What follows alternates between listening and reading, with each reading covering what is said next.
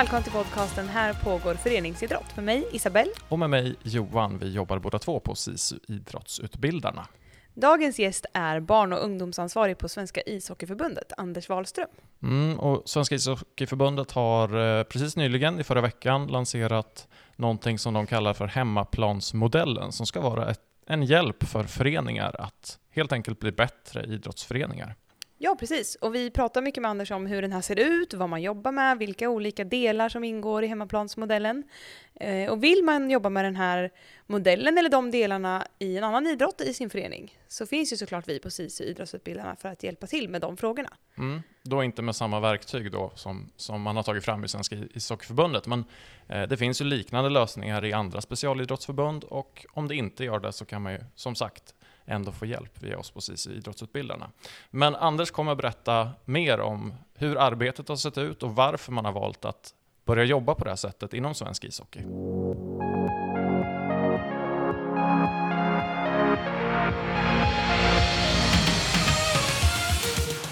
Eh, Anders Wahlström heter jag som sagt och jobbar idag som ansvarig för barn och ungdomsishockeyn på, på Svenska Hockeyförbundet. Uh, har gjort det i snart två år. Uh, hade tidigare en motsvarande roll på Riksidrottsförbundet som ansvarig för barn och ungdomsidrotten där i ett antal år. Och, uh, tycker det är jättekul att komma lite närmare verksamheten och få påverka mer direkt. Har du själv spelat hockey? Ja, jag har ju det. Uh, det var min, blev min huvudidrott um, under ungdomen där och spelade nog aktivt. Jag var 21 kanske. Och här i veckan så har Svenska Hockeyförbundet lanserat något som kallas för hemmaplansmodellen. Vill du berätta vad det är för någonting? Ja, det stämmer. Eh, det är egentligen en, en, eh, en, en plattform med eh, forskning och, och vår beprövade erfarenhet där vi har försökt mejsla fram liksom vad, vad tror vi är viktiga saker som, som föreningsledare, tränare, föräldrar bör ha för ögonen när vi hjälper till att skapa goda utvecklingsmiljöer. Eh, så det är en, en, en, modell som kommer att prägla vår, vår nya tränarutbildning när vi reviderar den, vårt, vårt nya strategiska föreningsutvecklingsarbete som vi nu har sjösatt. Då. Eh, och även sättet vi spelar hockey på de yngre åldrarna kommer att präglas av principerna som då finns i den här modellen. Hur är tanken att man ska jobba med den? Det, lite grann så här, vi, vi pekar ut riktningen för svensk barn och ungdomshockey i den här modellen som vi då kallar hemmaplansmodellen. Eh, det är den väg vi vill gå eh, och som, som jag sa så baserar vi det på, på den absolut senaste forskningen och, och vår beprövade erfarenhet. Eh, och vi vill ju komma dithän att samtliga våra 330 klubbar som har barn och ungdomsverksamhet väljer att slå sig in på den här vägen. Och vi pekar också ut fyra principer som vi skulle kunna säga är vad vi vill att de fokuserar på. Men, men sen huret, hur de gör det, det måste de själva liksom i föreningen eh, lösa och det kan säkert se ut på ganska många olika sätt. Um, tänker också att de här tre målgrupperna jag nämnde, tränare, föräldrar, föreningsstyrelse är också jättecentrala. Uh, och, och, hur de också jobbar med det här uh, är lite grann upp till dem. Men det vi vill att de gör primärt är att de, de tittar på, på hemmaplansmodellens grundprinciper och fundera över var står deras förening idag i, i relation till dem. Och så får man liksom en, ett gap där och så får de utifrån det gapet sen fundera på okej, okay, vad kan vi då? Vad beror det på? Vad kan vi göra? Var kommer den här modellen ifrån? Du sa att den grundas på forskning bland annat. Vad är det som har gjort att den har skapats från första början? Det som har gjort att den har skapats från första början handlar jättemycket om att vi saknade, upplever jag, en, en röd tråd kring vad vi bygger våra olika utbildningar och strategier på.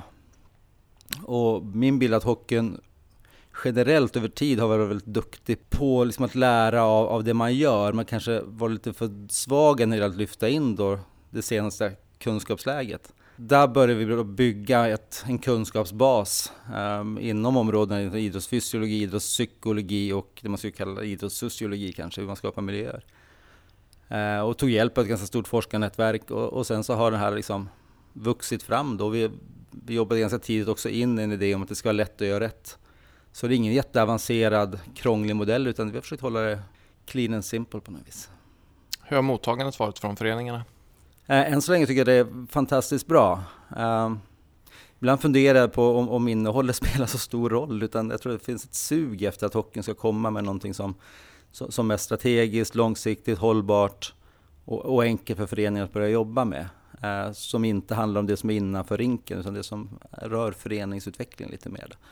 Eh, så mottagandet har varit över förväntan än så länge.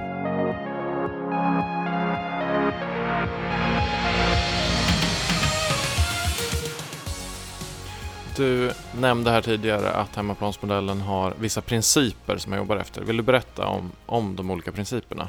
Ja, eh, vi kan dra, dra, kort bakgrunden. Vi tittade ju över alla möjliga typer av, av utvecklingsmodeller. Vi har ju long term athlete development och vi har motivationsmodeller och vi har karriärövergångsmodeller och allt sånt här. Och, och vi kände att ja, men med, med intentionen att det ska vara lätt att göra rätt så sa vi så här, men låt oss, låt oss göra det på riktigt då.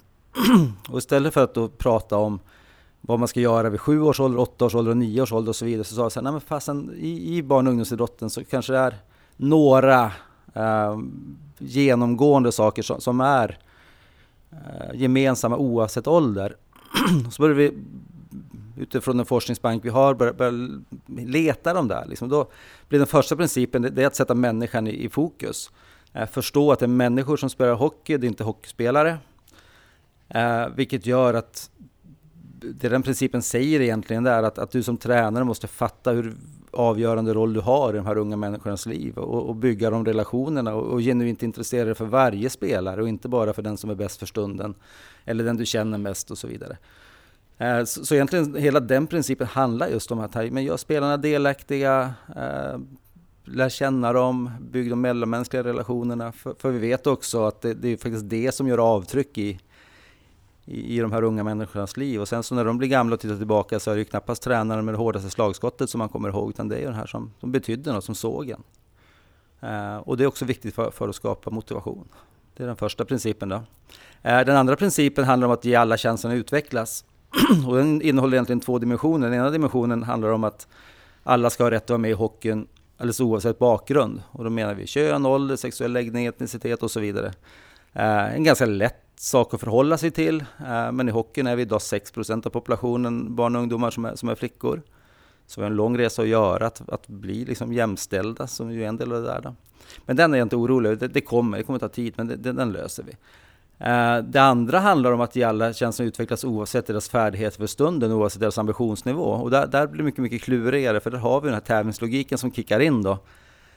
Att idrott handlar trots allt om att vinna, och klarar du som tränare eller förening inte av att ställa dig över den här tävlingslogiken utan du, du målsätter cupsegrar och, och seriesegrar och medaljer i alldeles för unga år så, så kommer du att manipulera dina lag och låta de bästa spela mer helt enkelt. Mm. Och det vill vi att vi ställer, tränare ska kunna ställa sig över och låta spelarna sträva efter att vinna såklart. Och det här bygger också på att utvecklingen är ju då inte linjär och förstå att det, men det, det, kommer att komma dippar och beroende på när vi då selekterar så antingen så hamnar du innanför eller utanför. Uh, så upp till 15-16 någonstans är vår rekommendation att vänta med, med att selektera på färdighet uh, så pass länge i alla fall. Så det är den andra principen. Uh, den tredje principen handlar om att anpassa träning och match efter målgruppen. Att förstå att barn är inte små vuxenkopior. Vilket gör också att vi inlett ett ganska stort arbete med, med att, att hitta de, de, optimala spelformerna för, för barn och ungdomshockeyn.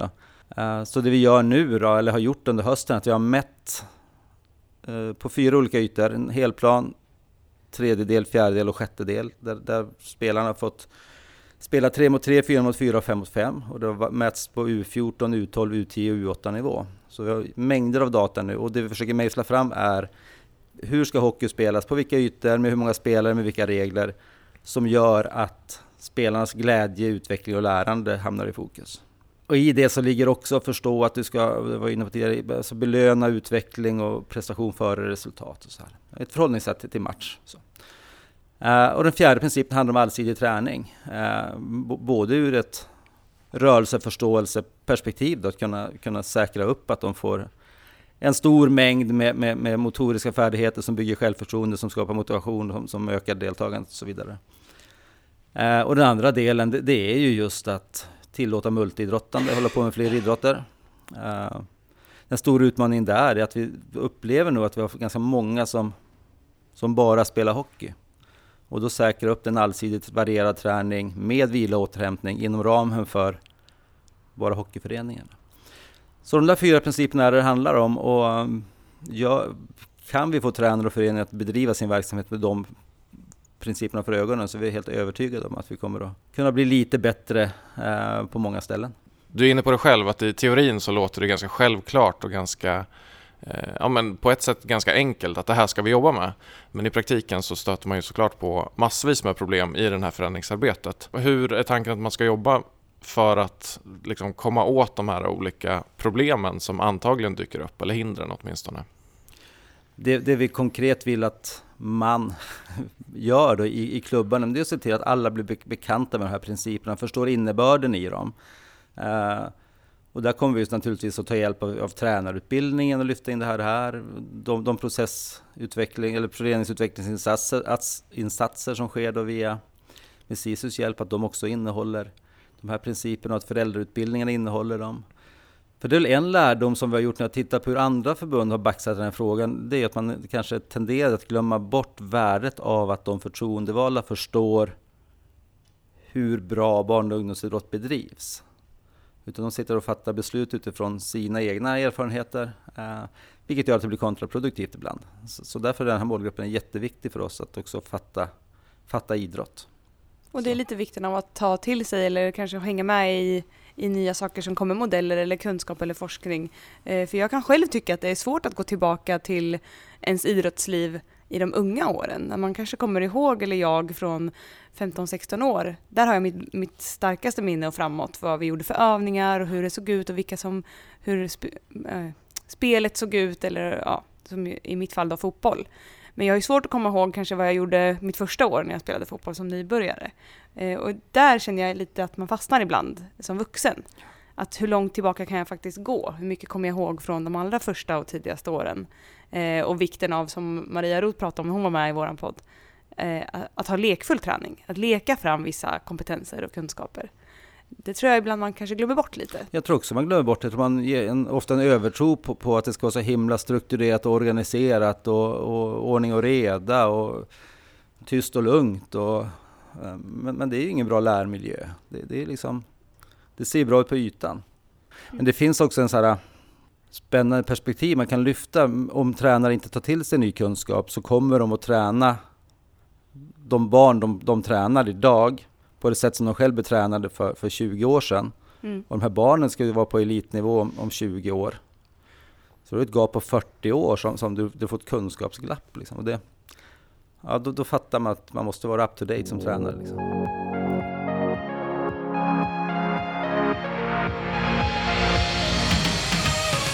Om man ser till den röda tråden som du sa, att det här är ju kanske i grunden skapat för barn och ungdomshockey. Går det att applicera vissa delar eller hela på modellen på elithockey? Eller ja men absolut. det, det, är klart det gör det. Dels utifrån perspektivet att en bra bedriven barn och ungdomsverksamhet är i sig elitförberedande. Så att får vi fler som kan få en, en riktigt bra grundutbildning, eh, få utvecklas som, som, som, personer och få den här passionen för, för hockey så borgar det för att vi får ännu fler som kan knacka på porten till, till eliten. Mm. Eh, du nämnde de här tre olika målgrupperna, föräldrar, ledare och eh, styrelseledamöter. Alltså det är ju tre stycken målgrupper som vi på SIS idrottsutbildarna jobbar också väldigt mycket mot. Eh, hur har samarbetet sett ut mellan er och SIS idrottsutbildarna? Mm, vi samlade ju då SIS idrottsutbildarnas hockeykontakter. minst en från varje distrikt dök upp där, det var 4-5 september redan tror jag. Där de fick en, en en djupdykning i vad vi säger då i hemmaplansmodellen och en, en tydlig, tydligt medskick från oss att, att vi vill att de hjälper oss med, med, det här, med den här satsningen. Då. Och det här ligger inom ramen för som Svensk idrottsstrategi 2025 eh, och det här är vår tolkning av den. Då. Eh, och vi vill ju att när, när SISU-konsulenterna är ute i hockeyföreningarna så är det liksom vår strategi man, man bär som en del av 2025 så det finns ingen anledning att Eh, att köra med dubbelkommando mot klubbarna. Utan vi, det här är det vi ser är vägen framåt helt enkelt. Och där upplever vi att vi får väldigt god hjälp av SISU-konsulenterna i landet. Det känns ju som en styrka, tycker jag, att eh, kunna ha en sån modell som och utgå från det specifika inom idrotten, även om vi inom SISU jobbar idrottsövergripande, så känns det bra att kunna jobba ihop med SF eller SDF, alltså specialidrottsförbunden på sitt eget distrikt, utifrån just en sån här modell. För i vissa fall så tror jag, det finns ju många idrottsförbund, Hockeyförbundet, Fotbollsförbundet, Gymnastikförbundet och med flera, som har egna tappningar på, och modeller av Strategi 2025 och som gör det. Och jag tror att i vissa fall är det lättare för ledare att ta åt sig det när det kommer från den ena idrotten. Man kanske känner igen sig lite mer, man kanske har en bild av att det här är något som går i linje med vad vi har jobbat med tidigare. Så där tycker jag känns himla roligt när det kommer den här typen av modeller. Mm, nej, jag håller, håller med dig. Jag tror att det är mycket lättare att ta till sig sitt, sin idrotts eh, budskap och så. Avslutningsvis, hur får jag lite mer kunskap och information om hemmaplansmodellen om jag vill hitta den själv? Mm. Då tycker jag du ska gå in på hemmaplansmodellen.se, eh, läsa på där vad det här innebär. Eh, se till att dina tränarkollegor, föreningsvänner Eh, eh, och föräldrar runt, runt lagen också går in och läser på. Sen tycker jag att är du tränare ska du se till att gå våra tränarutbildningar så får du med dig det här. Eh, sitter du i en styrelse tycker jag att du ska ta, ta kontakt med CIS idrottsutbildaren eller vårt distrikt eh, för att få hjälp att komma igång och jobba med hemmaplansmodellen i din förening. Jobba med hemmaplan på din hemmaplan. Eh, och är du förälder så, så tycker jag också att du ska eh, ta kontakt med, med din trä, ditt lags tränare, eller ditt barns lags tränare eller förening och säga att vi, vi vill börja prata om de här sakerna i föräldragruppen. Tror du att det finns någonting på hemmaplansmodellen.se som även andra idrotter skulle kunna lära sig av genom att gå in och kika? Ja, eh, den här är ju idrottsgenerell. Eh, det, är ju det är människor vi har att göra med. Eh, vi leder människor, vi, vi, ska få människor att utvecklas. Så, så, att absolut, sen kommer det att skilja sig liksom i om vi ska sparka bollen eller skjuta pucken eller eh, hur vi ska göra den biten. Men, men eh, ledarskapet generellt tänker jag. Tack så jättemycket Anders för att du ville vara med i vår podcast. Tack så jättemycket.